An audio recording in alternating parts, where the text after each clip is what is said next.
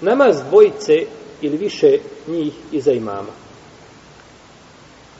Ako dvojica klanjaju iza imama, staće iza njega u saf po konsensusu islamskih učenjaka od ashaba, tabina i drugi, osim Abdullaha ibn Mesauda i njegova dva učenika. Onda nema čega. Konsensus, je li tako? No, međutim, složili su se svi osim ove trojice. Abdullah ibn Mesaud i njegova dva učenika, to su Elesved i Alkame. To su, znači, njegova dva učenika.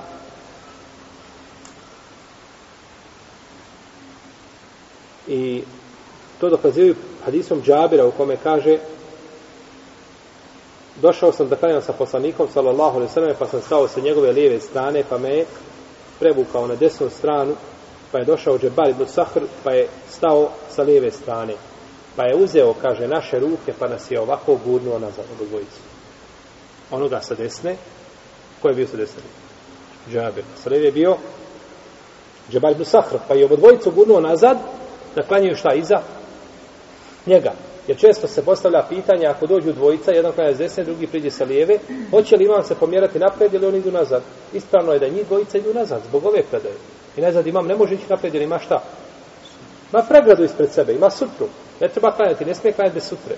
To nije ispravo da se klanja bez sutre, bez pregradu. Pa ne može znači pomjerati se naprijed. A i kada bi mogao da se pomjeri, neće se šta imam, pomije, nego je preče da se pomjeraju ko? Muktedije. Preče je da se pomjeraju muktedije.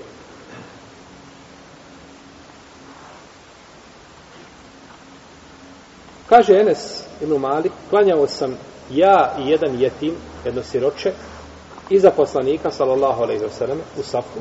A iza nas je klanjala Umu Sulejm. Ko je Umu Sulejm? Majka od?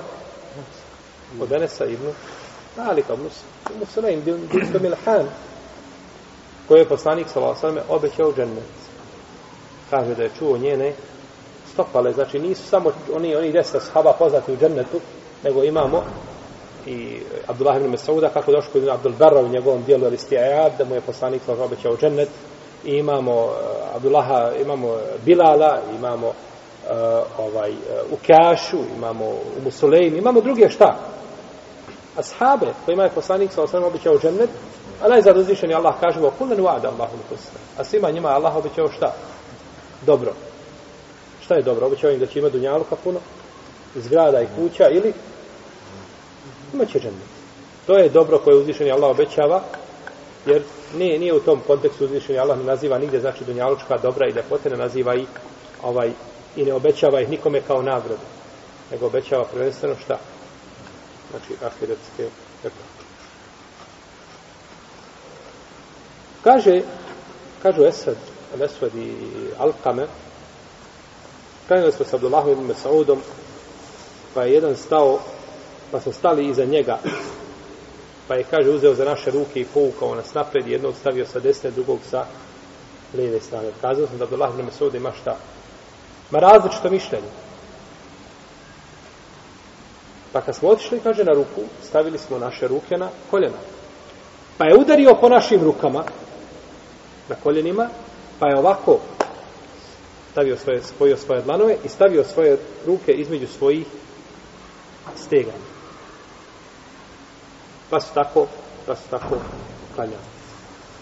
Ovdje imamo dvije stvari. Imamo prvo stojanje dvojice iza imama i imamo etatbirk, a to je da se ruke spoji, da se stave između čega? Iz tega. To je bilo u prvo vrijeme čega? Islama, pa je dokinut taj propis. U znači, prvo vrijeme Islama ljudi nisu stojali, nisu ovako držali na ruku, nego bi spojili danove i spojili noge i stavili ruke između stegana i tako bi bilo. Pa je taj propis dokinut, jer je došlo u predaje kod Ibrahu za ime i kod drugih da je poslanik sa osvrame držao, držao bi svoje e, ove, e, koljena rukama i raširio bi prste. I to je ispravno da se ovako drže koljena, na ovakav način.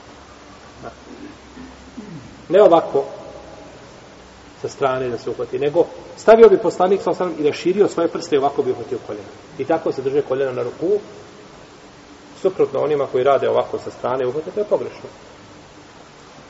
Znači, pa je dokinut ovaj propis koji se zove etat bir, ali Abdullah ibn Mesaud nije šta. Nije znao. I umet se složio nakon toga da ovaj propis šta ne, praktikuje. No, međutim, Abdullah ibn Mesaud nije znao. Pa znači, moglo je biti ashabu šta?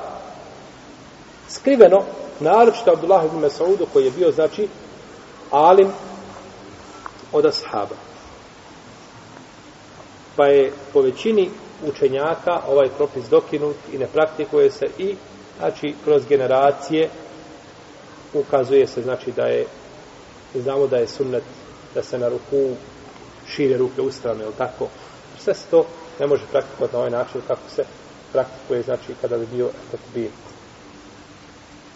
I tada je čovjeku, to je otežano mu je tako, kada je boravio dugo na ruku, to je otežano. Jer nema šta. Nema oslonca. Tako da je ispravno znači da ono što se što je poznato danas znači kod muslimana, svi to tako praktikuju da se ruke drže šta na na koljenima, da se uhvate znači koljena sa planovima.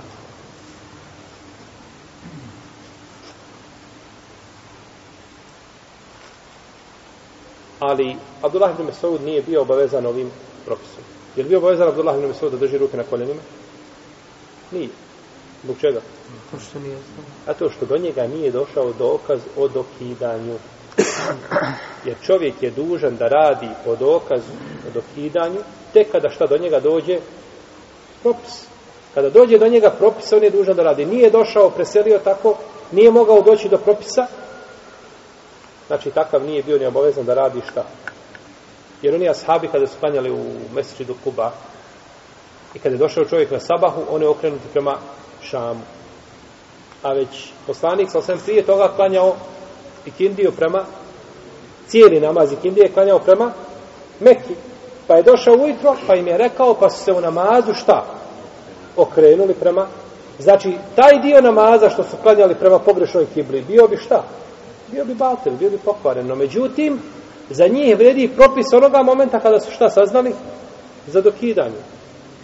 Kada su saznali za dokidanje. Jer uzvišen je Allah ne opterećuje čovjeka mimo mogućnosti, a da ih je obavezao da se mora okrenuti, da nije do njih došlo, to bi bilo obavezivanje čovjeka onim što nije u stanju da učini. A to uzvišen je Allah ne čini svojim robovima. Ako klanjaju trojica iza imama, staće se trojica iza njega bez razilaženja među islamskim učenjacima. Znači, tu nema nikakvih razilaženja, jer su o tome hadisi brojni, znači, koje smo, mnogi od njih smo spominjali, znači, a, jeli kroz komentar ove knjige i vjerujem da će i drugi hadisi najći koji kaže da tu činiti.